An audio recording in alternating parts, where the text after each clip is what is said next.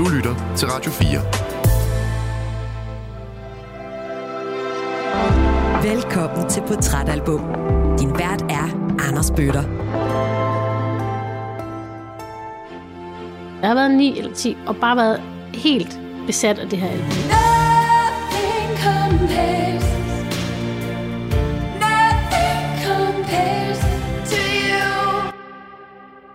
Nothing Compares er den største sang fra det her album, men jeg synes, den her er lige så stor. Hun synger helt sagte til en start, og en helt blød guitar. This is the last day of. Og så bliver hun mere og mere aggressiv i sin vokal, til der kommer... This is the last day of our acquaintance.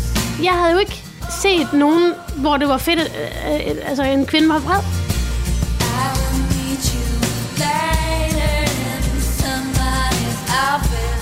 Det har jeg ikke hørt før, jeg har ikke set det før. Det var ikke nogen steder, det var ikke lovligt. Altså,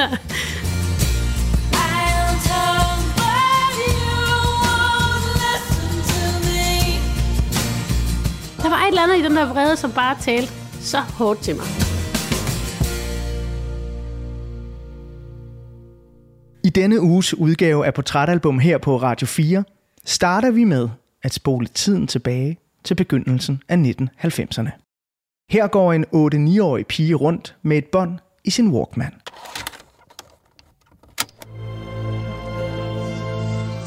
Hun drømmer sig væk i et album, der indeholder en masse problematikker fra den arige voksenverden, som hun måske endnu er lidt for lille til helt at forstå. Men hun drømmer sig væk i et væld af eteriske lydlandskaber, som ikke behøver at blive genredefineret, men trækker på både rå rock, blid pop og farlig folk. Den 8-9-årige pige drømmer sig væk i Senate O'Connors smukke stemme og kraftfulde udtryk på albummet I Do Not Want What I Haven't Got. Feel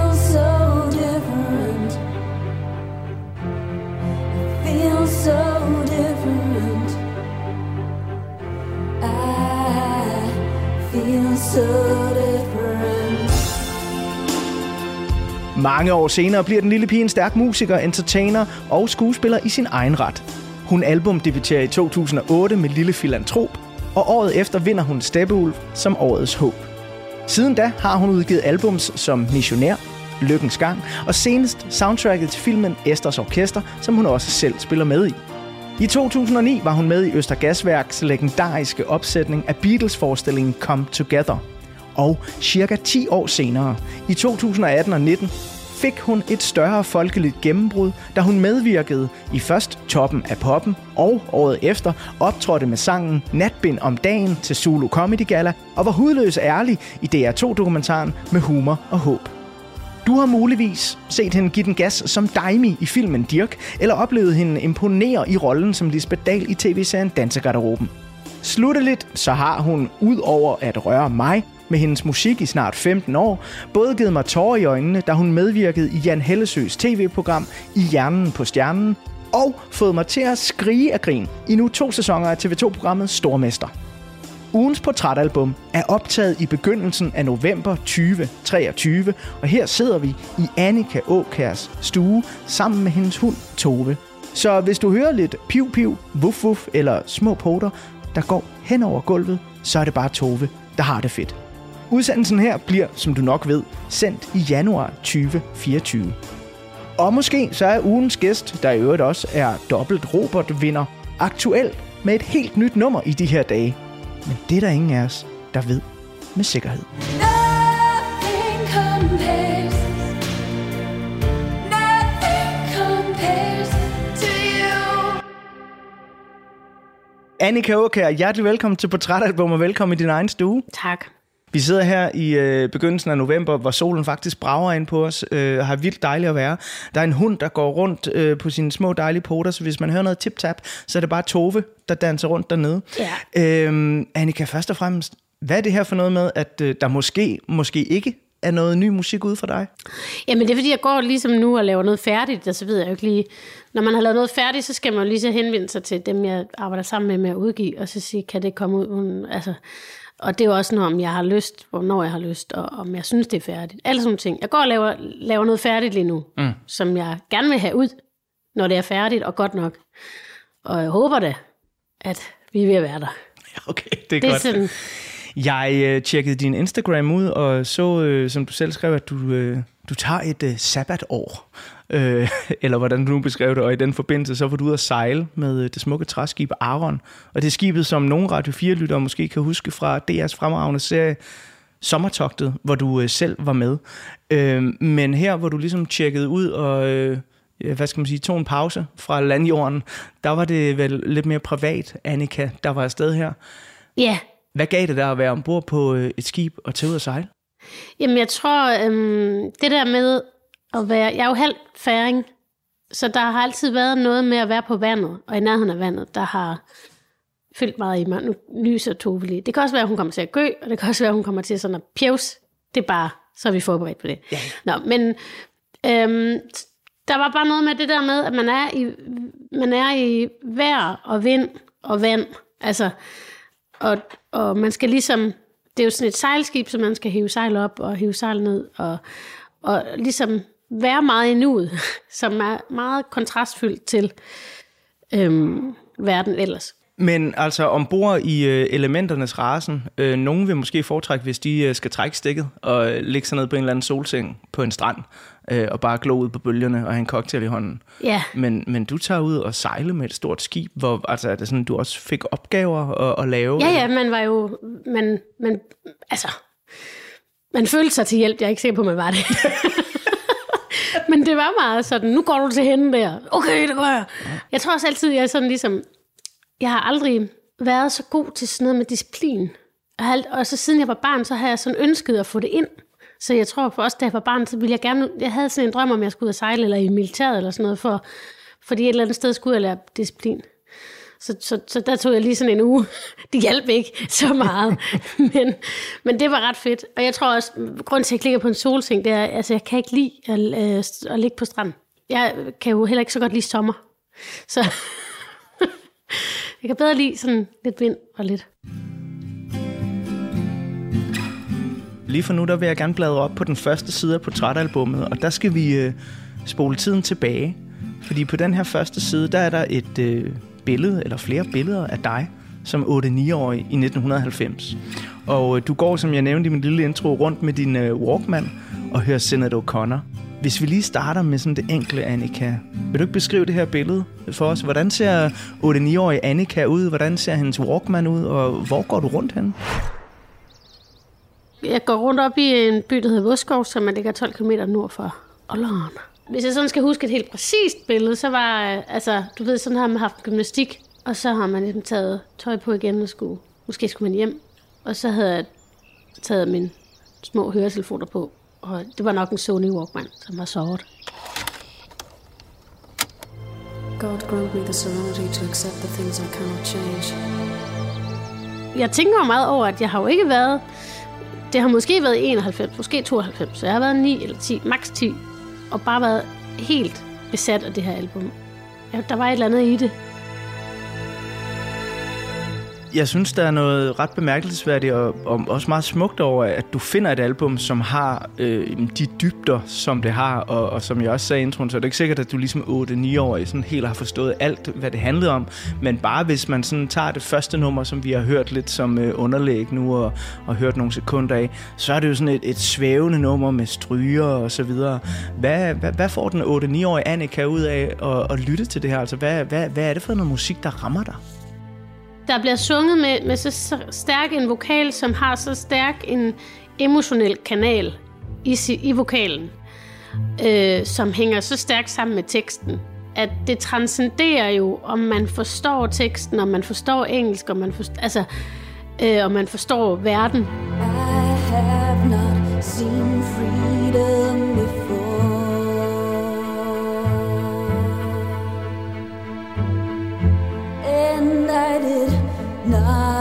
expect to.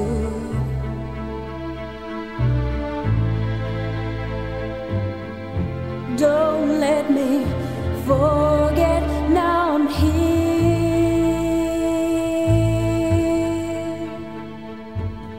Help me to help you to behold you. Jeg vil sige, at jeg forstod det lige så godt dengang, som jeg forstod det nu. Ja. Eller som forstår det nu. Altså principielt set følelsesmæssigt gik det jo godt. Og det er jo det, musik kan, som man siger. Det er jo, at det altid kan ligesom gå ind i dig. Øhm, og, øhm, og jeg kan huske, at jeg var meget fascineret af den der... Altså, tror jeg, jeg tror, jeg blev meget grebet af den der sår, sårbare vrede, der var i det. Altså kombinationen af sorg og vrede i et. Det, det tror jeg ikke, jeg havde hørt kanaliseret før. Oh.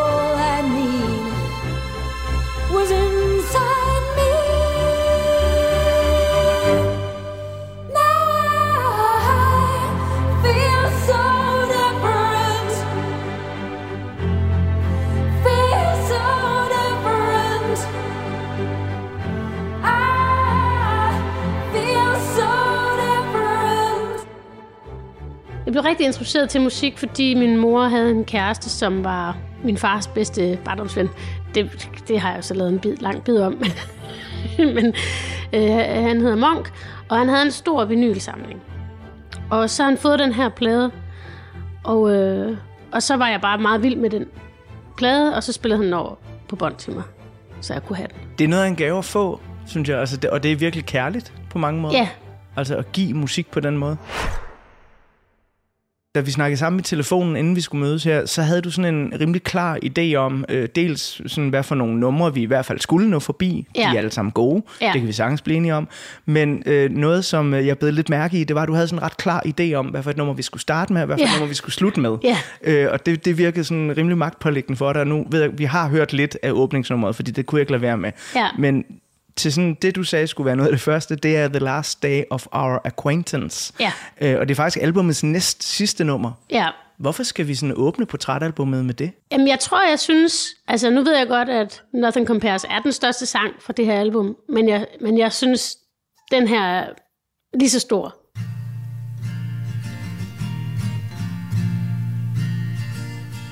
Det er fordi... Jeg bare synes, det er så skide god en sang, fordi det er sådan en... Det er jo i virkeligheden det er en break-up-sang, men det er en post-break-up-sang. Det vil sige, altså kærligheden er helt forbi, og nu skal man ligesom skal man mødes på nogens kontor øh, og ordne nogle ting. Ikke? Øh, der er sådan en stor kynisme i, og sorg og vrede kombineret i både teksten og altså den måde teksten er, og den måde hun synger den på, og den måde produktionen er. Altså det, det, det spiller op i sådan en sindssyg højere enhed. Og det der, altså hun synger helt sagte til en start, og en helt blød guitar. This is the last day of our acquaintance.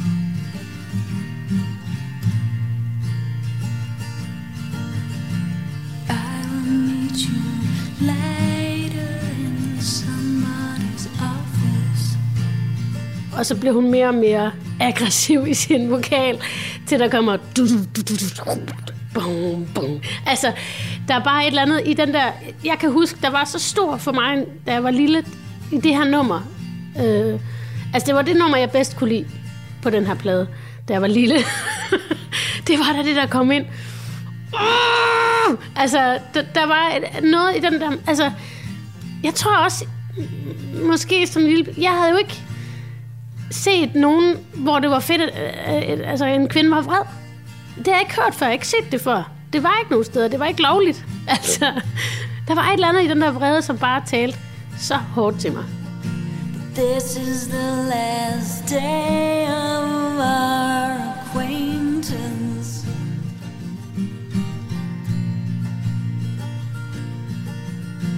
I'll meet you later in somebody's office.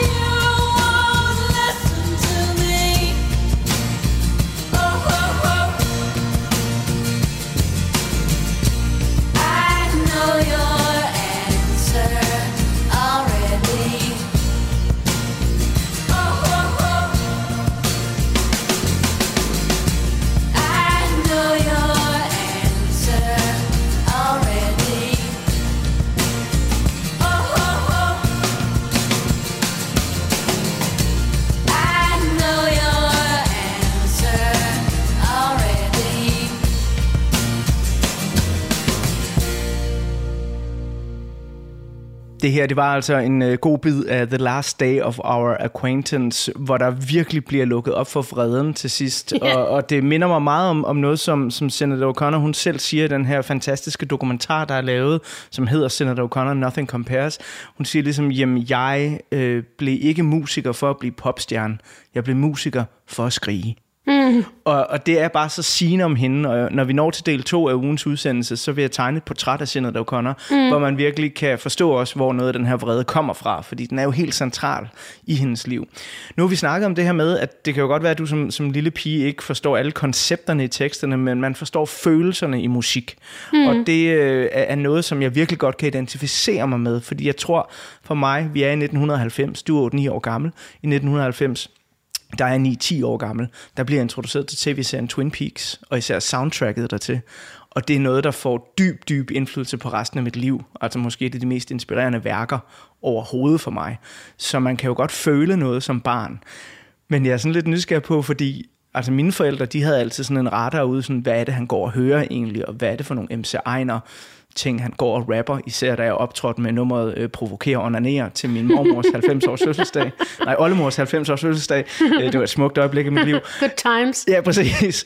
Øh, dine forældre og de voksne, der var rundt om dig, forstod de øh, den her lille piges fascination af at tage hørebøfferne på, og så bare gå rundt med den her vrede irske kvinde? Øh, det, ved jeg, det ved jeg slet ikke, faktisk. Det, øh, det kan godt være. Det kan også ikke være. Det, det ved jeg faktisk ikke. Jeg tror, altså jeg har jo ikke, jeg har jo begyndt, hvad kan man sige, relativt sent med at spille musik. Jeg havde jo ikke forestillet mig, at jeg skulle egentlig leve af det, jeg gør. Jeg har altid tænkt, at jeg skulle leve af optræde, men jeg havde ikke forestillet mig, at det skulle være med musik, faktisk. Men, men der skete noget, da jeg så begyndte at synge, og jeg med det samme også begyndte at spille guitar. Fordi så begyndte jeg også med det samme at skrive sange i små. Og så vidste jeg ikke helt, at man sådan bare kunne skrive sange, og så optræde med dem. For jeg troede, man skulle have et band.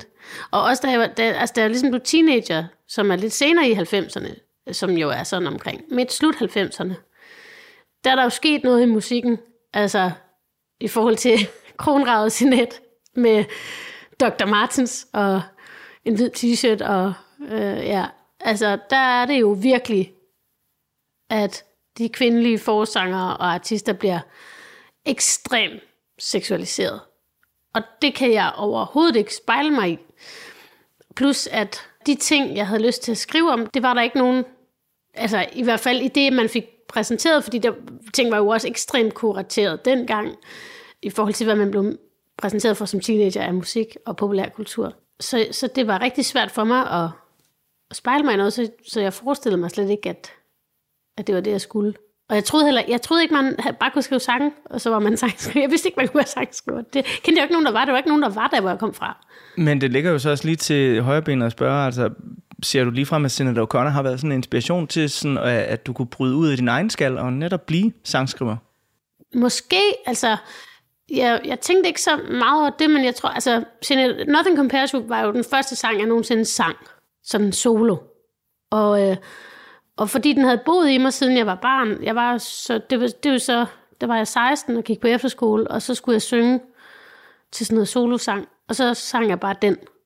Og, øh, og, og den havde jeg ligesom, den var, den var så inkorporeret i mig, at jeg ligesom lagde så meget, meget i den, tror jeg. Eller, altså, og det var også derfor, da jeg så ligesom skulle lave det der sommertogtet tilbage i 2021, så skulle det være med en sang, der havde betydet meget for en. Og så tænker jeg, okay, men der er jo ikke så mange, der har hørt mig synge på engelsk heller, så, så, men, men det, det er den sang, der startede min sang. altså, det var den første sang, jeg følte, jeg sang. sang. It's been seven hours and fifteen days since you took your love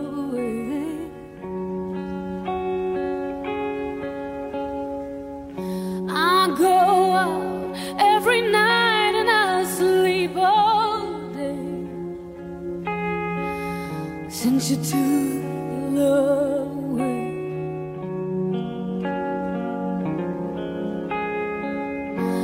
And since you've been gone, I can do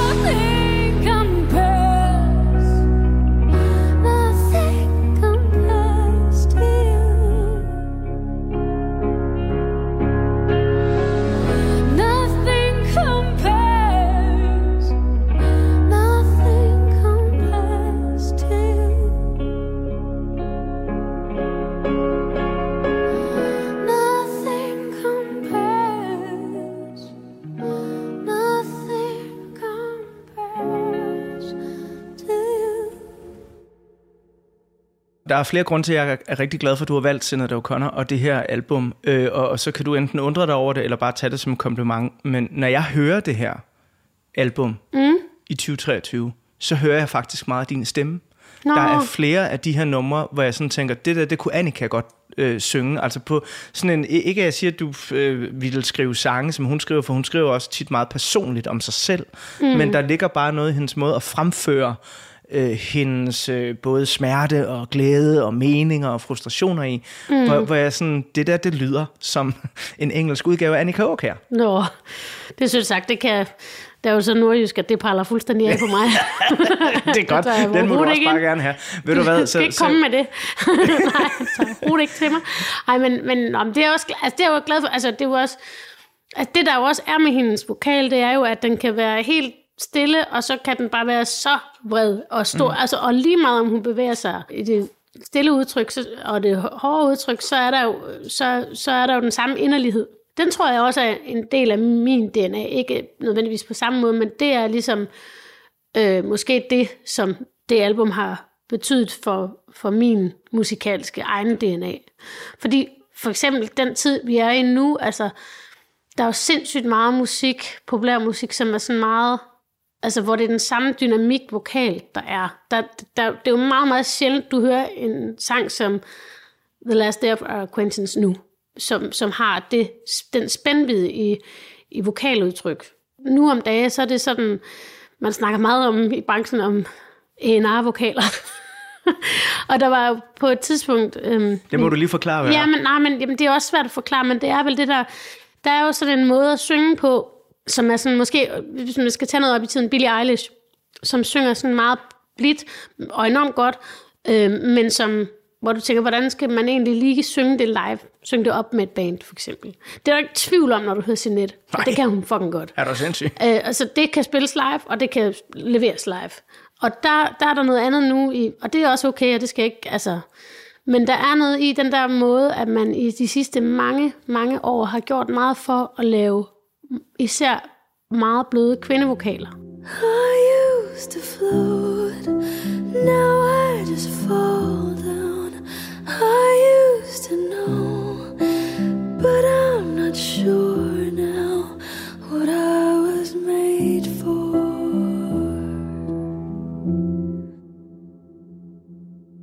Sidste år så sagde min bassist til mig, at han havde snakket med nogen øh, sådan producer, der har lavet alt muligt, som sagde, det er ret sjovt med Annikas vokal. De var inde og se os, vi spillede Falconer. Så jeg sådan, det er sjovt med hendes vokal, fordi det er jo sådan en vokal, man siger nu i branchen, sådan skal man ikke have. Man skal ikke synge sådan, som hun gør.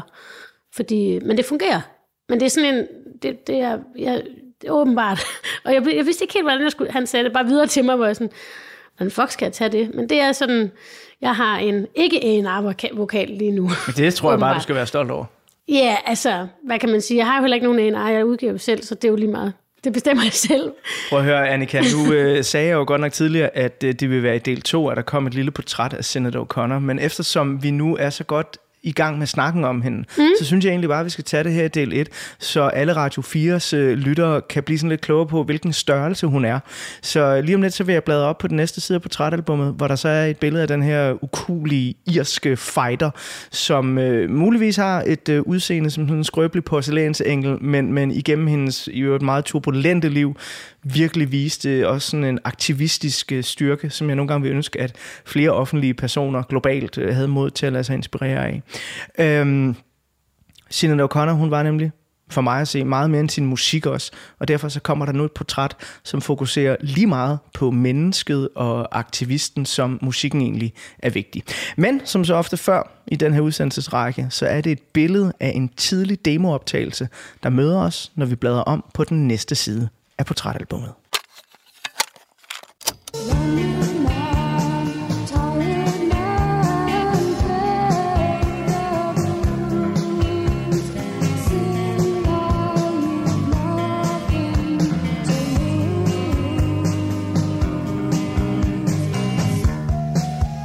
Det her er nogle af de første optagelser af Sinead O'Connor. Hun bor på en art børnehjemskloster, hvor det egentlig er forbudt at høre eller spille musik. Men her der er den lille rebel alligevel, cirka 17 år gammel, i 1984 på en demo fra bandet Ntua som på det tidspunkt var på udkig efter en forsanger.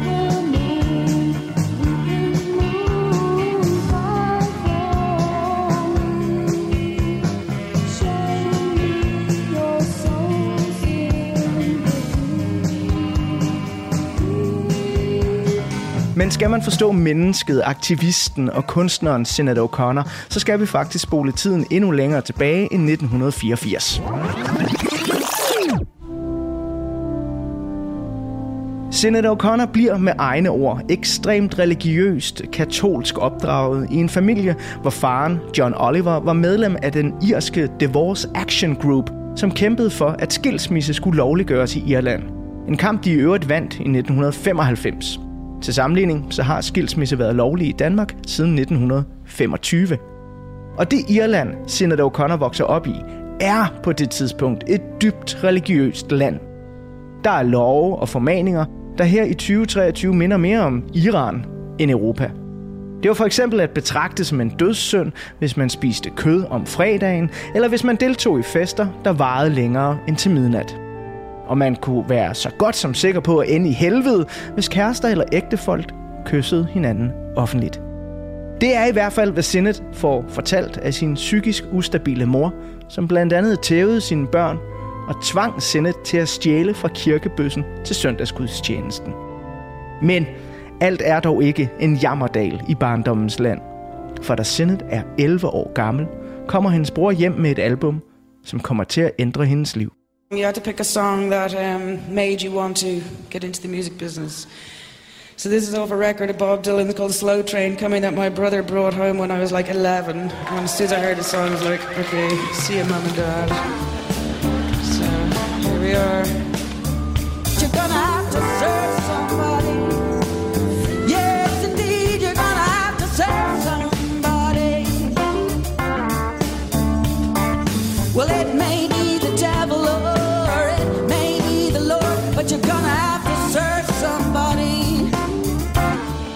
Trods for den hårde opvækst, forældrenes skilsmisse og Sinats ophold på børnehjemsklostret, lykkedes det hende via demoen fra en Tuanua og en manager at få en fod indenfor i musikbranchen. Og i 1986 resulterede det i et samarbejde med ingen ringere end U2's guitarist The Edge, som Senator O'Connor skrev sin officielle debutsang Heroin sammen med.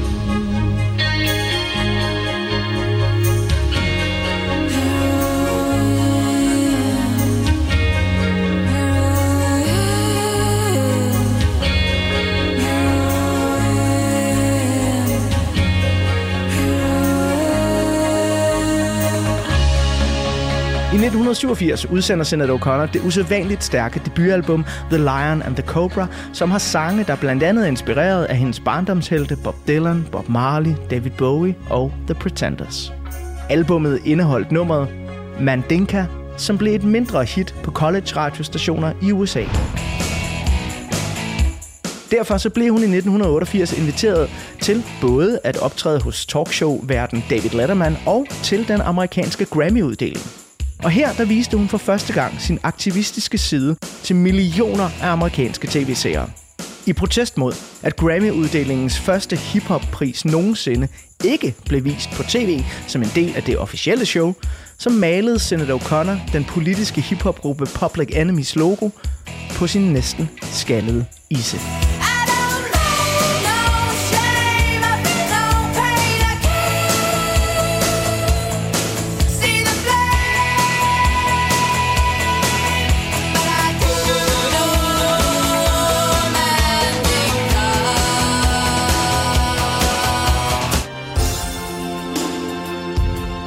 Sinead O'Connors andet studiealbum, I Do Not Want What I Haven't Got, fra 1990, fortsatte stilen fra debuten med en kæmpestor undtagelse.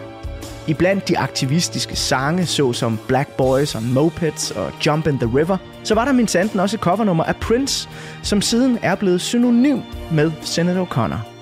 Nothing Compares to You blev en af de tre bedst sælgende singler på verdensplan i 1990, og musikvideoen der er så simpel og stærk, at den stadig her i 2023 kan give mig gåsehud, når bare jeg tænker på den. Og selvom Senator O'Connor ifølge hende selv ikke havde den allerbedste oplevelse med Prince, og havde svært ved at håndtere nummerets enorme succes, så blev hun ved med at fremføre det helt frem til slutningen af sin karriere. Nothing compares.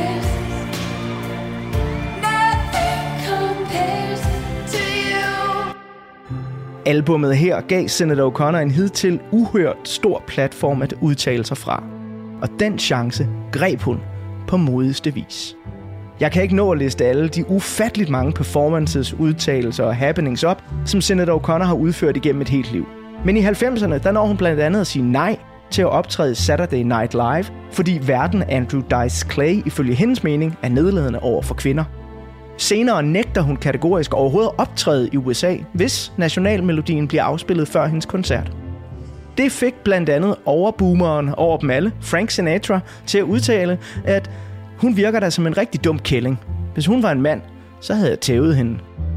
Efter Frank Sinatras udtalelser, så mødte vrede amerikanske musikfans op ude foran Senator O'Connors pladselskab. For at støtte hende? Nej, for at smadre hendes albums. Men med humor skal ondt fordrives, og i måske bedste Annika Aukjær-stil, så mødte Sinead O'Connor selv op til albumsmadringen, iført paryk og solbriller, lod som om hun var meddemonstrant, og gav en dag et interview til en lokal tv-station, hvor hun hercelerede over, ja, sig selv.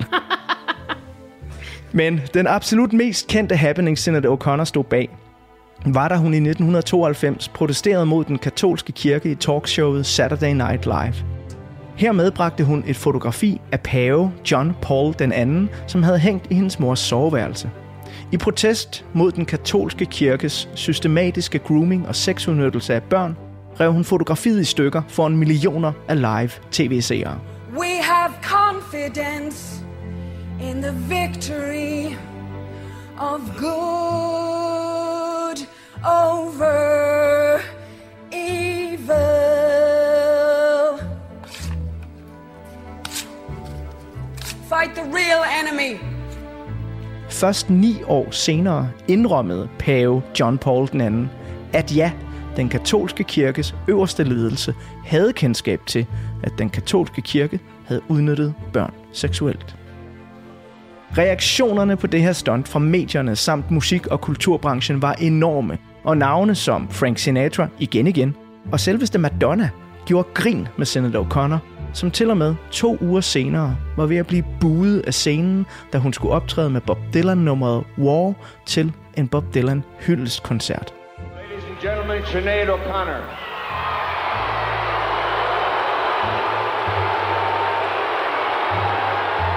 Og måden, hvorpå Senator O'Connor bare står der og tager imod hykleriske Bob Dylans fans buråb, det er hjerteskærende. Vil du selv opleve det, så kan jeg som sagt varmt anbefale dokumentaren Senator O'Connor, Nothing Compares. Historien om Senator O'Connors musik og hendes aktivisme stopper naturligvis ikke ved 90'ernes kontroverser og albumet I Do Not Want What I Haven't Got. Men hvis jeg skal nå at tale bare lidt mere med ugens portrætalbumgæst Annika Aukær, så må jeg hellere runde af med at sige, at Senator O'Connor nåede at udgive 10 studiealbums, og at der muligvis engang kommer et 11., som hun nåede at indspille inden hendes alt for tidlige død i sommeren 2023. Hun havde igennem længere tid været selvmordstroet, men var i behandling. Efter hendes død strømmede det ind med konkurrencer fra en samlet musikbranche. Noget, som den britiske sanger og ex-The Smiths frontmand Morrissey ikke brød sig om. Han skrev på sine sociale medier, I hylder hende alle sammen alt for sent. I havde ikke modet til at støtte hende, da hun var i live, og brugte sin stemme til at kæmpe for børnene, for jer og for andre mennesker. Senator O'Connor blev 56 år gammel. I don't wanna love the way I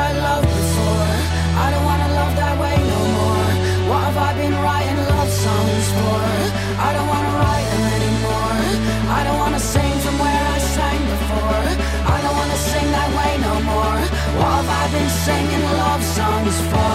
I don't wanna sing them anymore. I don't wanna be that girl no more.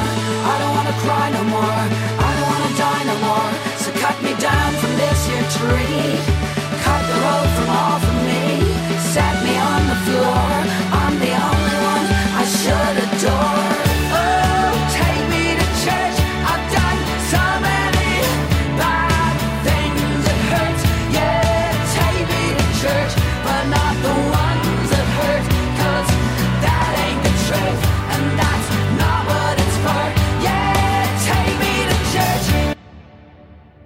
Så var der overflyvning af Sinnets øh, utrolige liv, eller i hvert fald en brøkdel af det. Fordi mm. som sagt, hun udgiver jo en hel masse musik efter det her også. Men øh, der synes jeg, man øh, skal se dokumentarerne og høre pladerne og sådan noget. Og jeg vil egentlig meget gerne ned i den her del af Sinead O'Connor, som du jo møder, da du er 8-9 år gammel. Du møder nok ikke alt det her, men du møder i hvert fald en god plade. Øh, den her dokumentar, Sinead O'Connor, Nothing Compares, har du set den, Annika? Ja, og jeg fik den faktisk... Jeg blev egentlig spurgt, om jeg ville øhm, sidde i sådan en panel med instruktøren til sådan... øh, måske var det Copenhagen Docs, inden den kom. Øh, og der, det var lige en periode, hvor jeg var meget travl, så jeg, så jeg kunne ikke, og det, det, det fortryder jeg faktisk ret meget, at jeg ikke gjorde, fordi jeg synes, det er, en, det er en virkelig, virkelig god dokumentar på så mange måder. Og især det, du lige har nævnt med, jeg synes, det er meget slående, det, med, da hun går på Saturday Night Live, og, øhm, og så først mange år efter. Altså det der med, at hun faktisk, hun har hele tiden haft ret, og så især er det virkelig hjerteskærende, og som du siger, hyggelig med Bob Dylan-fans, som har sådan, det er sådan en 30-års øh, reunion, eller hvad hedder det? Ja, jubilæums. jubilæums, så, så for, for protestsangeren Ja. over dem alle. og så der, er hun den nye protestsanger, og så burer de hende, øh, røvhullerne, boomerne. Øh, det, det er meget, meget slående. Men der er sådan også, i det klip, er, William, er det Willie Nelson, hun står på scenen med, som går hen og Ja, det tror jeg. visker noget til hende, ja. kan man se på en god... Altså, han siger, jeg er her, eller et eller andet. Ja. Så det er også meget rørende. Altså, det, det, det, og det gør ondt i maven at høre de der buråb. Det gør det virkelig. Ja. Også fordi hun er jo været par 20 øhm, år gammel. Så, så hun står bare der. Altså, det, og det siger også noget om 90'erne. Hvor, hvor sindssyge de var. Og især det. ved kvindelige artister. Og det overrasker mig faktisk øh, set i bagklogskabens lys, fordi 90'erne, det er, jo, det er jo min egen ungdom. Det er fra jeg er 10 til jeg er 20. Ja. Det er 90'erne. Ja. Øh, og jeg har nok bare levet lidt i en boble, og har ikke helt stiftet bekendtskab med det, fordi for mig, 90'erne, det var øh, stærke kvindelige frontpersoner. Det var Skin fra Skunk Anansi, Ja. det var Courtney Love fra Hole, det var Alanis Morissette, Ja. øh, det var til dels på poppens side, Mariah Carey, Celine Dion, alle dem her. Hmm. Øh, så når jeg ser sådan en dokumentar som det her, bliver jeg virkelig sådan... Altså jeg vil ikke sige, at jeg bliver skamfuld, fordi det, det har jo ikke noget med mig som ung at gøre, men, men jeg bliver virkelig overrasket over, at musikbranchen og kulturbranchen har været på den måde. Og til del stadigvæk er det. Ja, i, i den grad. Altså Britney-bogen er lige kommet, ikke? Ja, præcis. Altså jeg vil også sige, altså nu, nu kan det være, at det bliver en, øh, en side, øh, men, øh, sidespor, men, men der er også den dokumentar, der hedder Woodstock 1999, den er sindssyg, fordi den udstiller meget, meget klart, øh, hvordan midt-slut 90'ernes ekstreme sexisme, homofobiske, og altså, det var, den, den er decideret klam. Woodstock 99. It was going to be the biggest party on the planet. Hell happened? The environment was just very male ego. I started seeing large groups of dudes surrounding women. There was a lack of respect. Og det er meget interessant, at der egentlig har været enormt mange stærke kvindelige frontfigurer og solister og sådan noget, samtidig med, at, at sexismen har været, altså, den, den står så tydeligt frem, samtidig med, at den er helt usynlig, fordi ingen har blik for det. Mm. Det er det, der er meget uhyggeligt ved at kigge på det i dag. Også øh, en anden dokumentar, som jeg jo gerne vil... Det er faktisk dokumentaren om Spice Girls, Ja. som, som kommer med det her girl power på en meget kommercialiseret måde. Øh, og, og de kan godt holde det kørende, mens de står sammen. Da de ligesom går fra hinanden, så, så, øhm, så gør alle medier alt for at underminere det her bands betydning. Mm. Det var ligegyldigt, det er ligegyldigt, det er ligegyldigt er over. Altså, det er meget, meget interessant, synes jeg. Øh, og det er jo også den musikbranche. Det er vigtigt at snakke om den musikbranche, fordi det er den musikbranche, Jeanette kommer op i. Det lyder som om, jeg sagde Jeanette. Jeanette øh, kommer op i, og, og, og som hun også kritiserer, øh, som jeg hørte i hvert fald på Emperor's New Clothes. Ja. Øhm, og, hun, og hun kritiserer jo, hun er, har jo allerede blik for den her ekstreme sexisme. Det er også derfor, hun kronrager sig. Og det er jo allerede altså på hendes andet album, ikke? Ud af 10. Og som du selv sagde, hun er i 20'erne her. Jeg synes, det her det er en god anledning til, at vi skal høre Emperor's New Clothes, fordi Ja. det er et af de numre, som du pegede på. Ja, Hvorfor er det en af dem, som, som du øh, pegede på? Jamen, jeg tror, det var en af de sange, som jeg, som jeg øh, mærkede også stærkt som barn. Emperor's New Clothes var ligesom Kaiser's New Claire, og, øh, som er nok et af mine yndlingseventyr af H.C. Andersen, som jeg altid var meget draget af, også som barn. De der fortællinger om hyggeleri har jeg altid været meget, meget draget af. Det er jo perfekt, at du har valgt Sinead O'Connor. Det kan du godt mærke, ikke? Jo, jo, jo, jeg tror også, jeg brugte jo lang tid på at øh, øh, sige, sige, om jeg ville være med eller ej, og det var først, da jeg ligesom, det er det her album, så, så gør vi det. For jeg kunne godt have valgt en masse andet også, men, Jo, jo, men jeg jo. kunne mærke sådan, gud, det her er vir- virkelig sådan meget, meget, meget betydningsfuldt for mig. Men jeg tror også, det er det der med, at hun, hun, hun, hun snakker om den der fordækthed, og, øh, og, og hun snakker om branchen, om alle, alt det, der er falsk øh, omkring hende, ikke? Uh, he thinks I just become fa- became famous, and that's what messed me up. That's wrong. Ja. altså, det er sådan... Det, og så er der, det er jo det, der er det fede. Den fedeste linje er jo, hvor hun synger om, Maybe it sounds mean, but I really don't think so. You asked for the truth, and I told you. ja. Og der er et eller andet i det, som, som øh, jeg også, når jeg selv ser tilbage på den måde, jeg selv har været lidt i musikbranchen på, som, som og er, øh, som ikke har ændret sig så meget. Man skal stadigvæk, i min optik, sådan stryge en del menneskers egoer Man skal med være hårene. fucking pleaser hele tiden. Ja, og det, det, øhm, det var Jeanette ikke god til, og det var jeg, det er jeg heller ikke så god til. Seems years since you held a baby while I ranked the bedroom. You said it was dangerous after Sunday,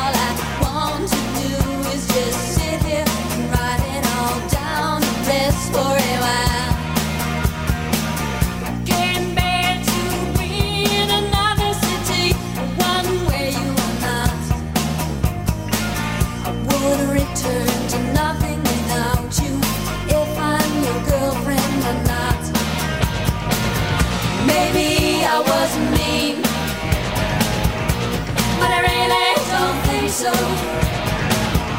You ask if I'm scared, and I said so.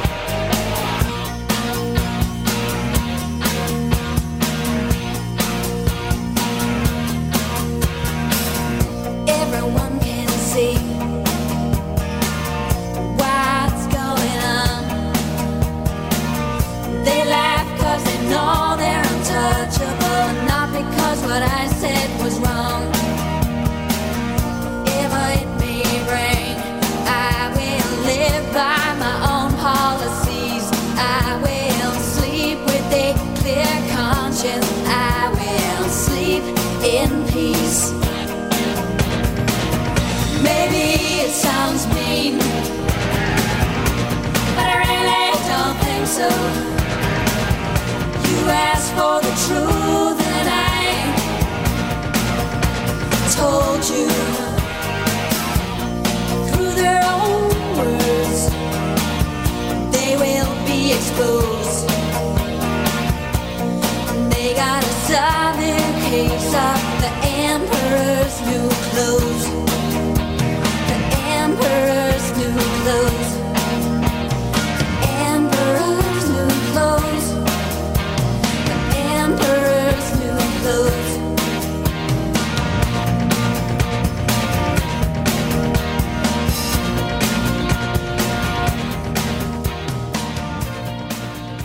Det her, det var altså Emperor's New Cloth, øh, sådan, hvor, øh, ja, jeg tror, havde jeg hørt det her i 90'erne, så havde jeg sådan tænkt, hey, det her, det er PJ Harveys underlige, øh, der ja. giver den gas. Altså, Ja. for der er virkelig noget dejligt 90'er rock over den, øh, Ja. og det er sagt på den bedst tænkelige måde, ikke?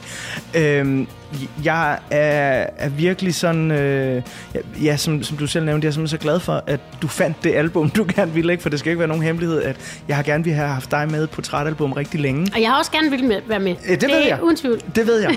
Men, men det er jo også nogle gange, det er svært at finde lige det der, det skal være. Ja. Øh, og så har vi jo også det her forbandede benspænd, at jeg helst ser, at vi altid beskæftiger os med nye albums, så vi ikke laver det samme album Ja. igen og igen Ja. og igen. Ikke? Og der er det jo bare øh, så heldigt, at øh, øh, ja, øh, Great Minds Things Alike, og, og du så vælger Senator O'Connor. Øh, og jeg havde været sådan, hvad kommer Annie K til, kan jeg til at vælge? Og jeg siger dig, som jeg også sagde tidligere, og roste for, da jeg hørte det der album igennem, var jeg bare sådan, ja, selvfølgelig er det det. ja. Selvfølgelig er det den, hun vælger, ikke? Ja. Altså, øh, på en måde øh, en, der kan skrive kæmpe store hits, men stadigvæk er lidt en outsider Ja. øh, i musikbranchen.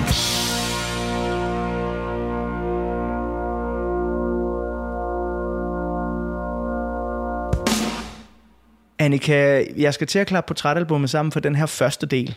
Og øh, når vi så øh, åbner for øh, del 2, jamen, så øh, skal vi fortsætte lidt med øh, både din, din barndoms- og ungdomsfascination af Senator O'Connor. Vi skal have en beskrivelse af, hvad det egentlig er for en tid, du går og hører den her øh, plade i til at starte med. Ja. Øhm, men øh, til sidst i øh, den her del af udsendelsen, der skal jeg lige have en, øh, en lille smule af øh, et nummer, som kommer ikke til at, at, at spille den i sin fulde længde. Jeg synes bare, at det er så åndssvagt stærkt at slutte sådan et album som det her, der har været så øh, mm, rasende og indineret med en a cappella-sang. Ja. Det æder med sådan... Altså, jeg, jeg blev sådan oprigtig rørt, da jeg hørte det igen. Det er mange år siden, jeg har hørt det her album fra start til slut, og jeg var sådan helt, wow, hvor er det egentlig modigt gjort. Ja. Jamen, det er jo bare, altså... um, Ja. Det, hun er bare sådan så kompromilløs, og det, kan, og det virker. Det gør det virkelig. Og, øh, og jeg tror også selv, jeg har sådan taget, jeg har egentlig selv taget enormt meget tilløb til, at jeg også gerne vil lave et a cappella nummer på en, og det tror jeg kommer til at gøre på mit kommende album. Lytterne kan ikke se det, men det skal noteres, at Annika smiler skævt. Ja. Ja. Ja. er, det, er det lidt angstprovokerende at lave a cappella? Ja, det er sindssygt. Det er det da. Helt vildt. Det er meget nøgent. Ja, og det er også ligesom sådan...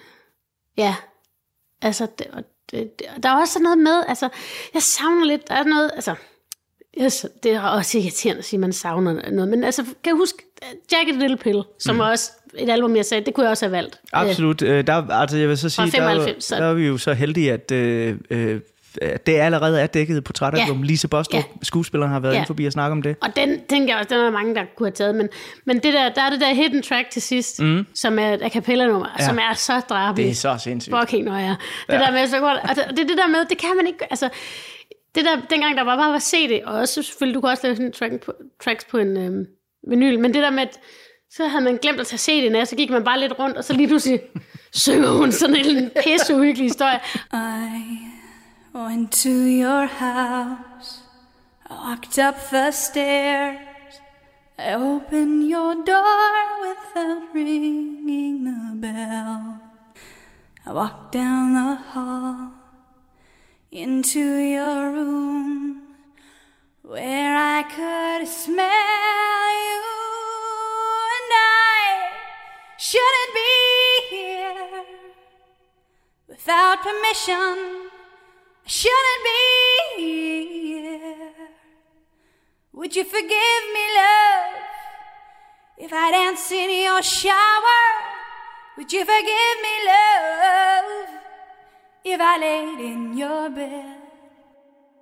Jeg var sådan, kæft, det, det er lidt hårdt med, med streaming nu, at øh, det kan man ikke Nej, øhm, helt på samme måde. så skal du udgive et nummer, der var 20 minutter, så skal folk ja, tænke, hvad så fanden skal der være sker 13 minutter stillhed, og så... Ja. Ja. Ja, der, der, der tror jeg, at tiderne allerede er på øh. Ja. videre-knappen. Ja, der er en høj skip rate på det, som Prøv de siger på Spotify. Vi tager øh, titelnummeret, som også er det sidste nummer på pladen her, øh, og når øh, vi så øh, går i gang med øh, del 2, så skal vi have flere af de numre, som du har valgt, øh, Annika. Jeg skal huske at sige til dig, der lytter med, hvis øh, du gerne vil høre del 2 lige nu, jamen, så ligger den allerede klar, der hvor du øh, finder dine podcasts, eller inde i Radio 4's app. Lytter du med live, så skal du bare lige have lidt nyheder, og så er vi tilbage lige på den anden side af dem. I'm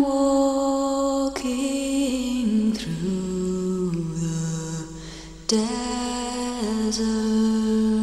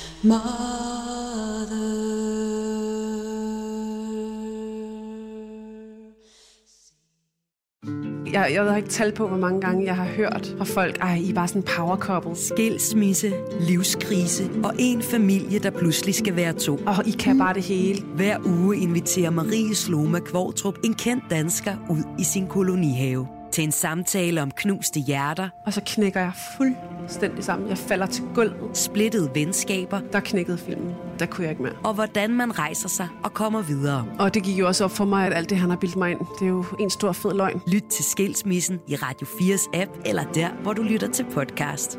Radio 4. Hvor er det fucked up, det jeg har levet i. Ikke så forudsigeligt.